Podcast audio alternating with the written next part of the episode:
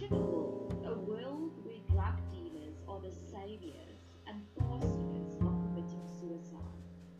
Imagine a pandemic shining light on the guardians with dreadlocks and church leaders crumbling and shaking like leaves. I'm looking for truth, for wonders around the corner. I'm like Indiana Jones on a hunt, not for gold, but for unexpected altruism. I heard this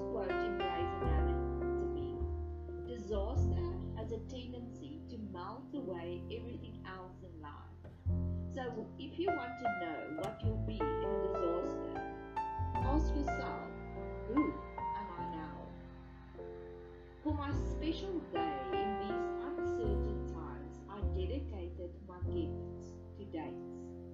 I wanted all my dearest and loveliest in my life to take me out on a date instead of giving me something in a gift wrapper. Like lockdown bestowed the gift of time on all of us, I wanted to capitalize on this concept by spending quality one on one time with the people I love the most on this planet. On the following day after my special day, already feeling like God's spoiled brat, my dearest friend Malaise took me for a breakfast with a twist. We had to stop off first at this old, run-down, but extremely tidy house in Eastland. So think Eastland. It is one of the poorest, most drug-infested communities in South in Pretoria.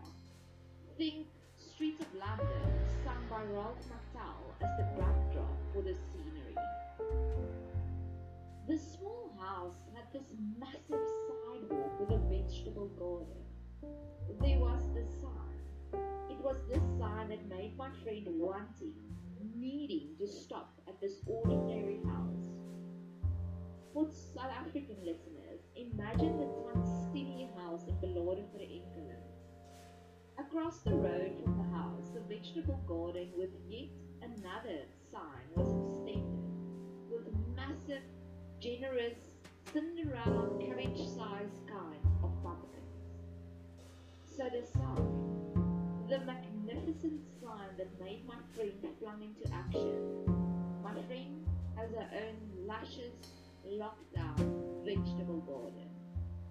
All the seedlings grown from seeds only she can bestow so much love on the smallest of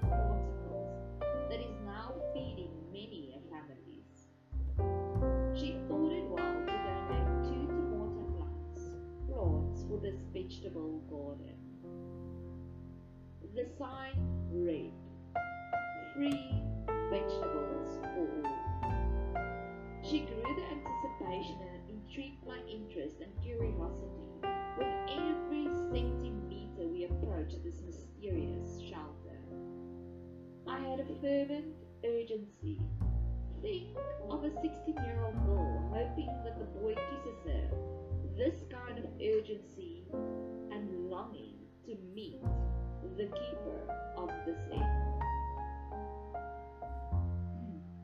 I met him with Rastafarian hairstyle and all, tattoos tattooed across his eyebrows, reading Andres and Sophia with a wide, open-hearted smile, almost immediately inviting not only onto his property, but also into his orbit.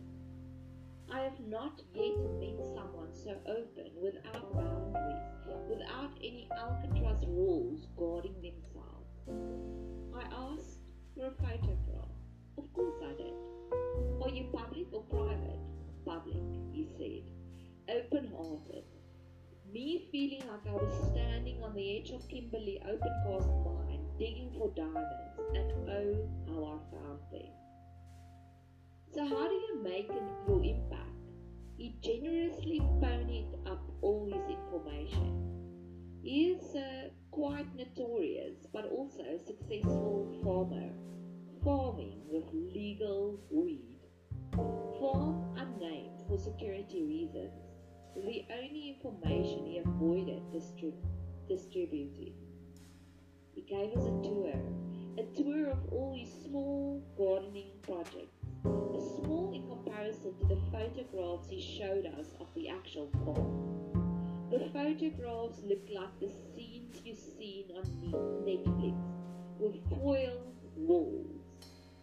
Every tree in his garden had a love note of the tree's name.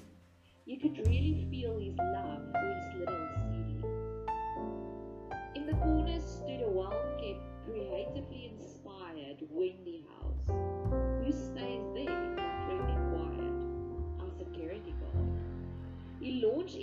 Verbal appraisal of his su- successful campaign to keep and guard the neighborhood. He physically attacks and chases other druggies out of the neighborhood. Only weed, that is the only drug he allows in his neighborhood. This brought back a memory. How many other successful men have I met who turns a blind eye to other criminal activities, allowing drug transactions to inspire, aspire in front of their businesses or even in their neighborhood? Our young Robin Hood is only a mere 32 years old. He flings into action with all the criminals, keeping a security bay at force to ensure he has backup. Can we learn from him? Can we stop giving a blind eye for criminal activities? He showed us his very impressive inn with a front end shop with cannabis products like soaps. The walls were beautifully and artistically decorated, with so many truths, epiphanies about yin and yang, about what is the secret of the universe. Walking around, it felt to me as if I was walking inside a brilliant mind, a Paulo Coelho kind of imagination, seeing the innings and workings of a Pablo Picasso. This got me thinking have we missed the point so pervasively that a young 32 year old with fond stories of his granny Sophia has to teach us how to live? How to truly love our neighbor with marketing of free veggies on a sidewalk in a dodgy neighborhood? Why is that that we can have security officers on his cannabis business payroll to protect his community. We, we living inside an estate, are struggling with regular break-in. This, the level of his physical security is very low. There is no electric fencing and no CCTV All good little girls, mommies, warn them about men like this. But honestly, I have surrounded myself with men that most mothers would applaud and honor. But I have not yet seen this generosity, this nobility, this courage, this legacy with men around me. Is this what true influential people look like? Is this what a face look like that will change shape, transforms, and upgrade the history books forever. I have conducted studies on the likes of Einsteins and Picassos. They were usually the outcasts of the community. They were not the well bred, well educated peers of their generation. With the assistance of my dearest friend, stumbled upon greatness without even realizing it? Only time will tell.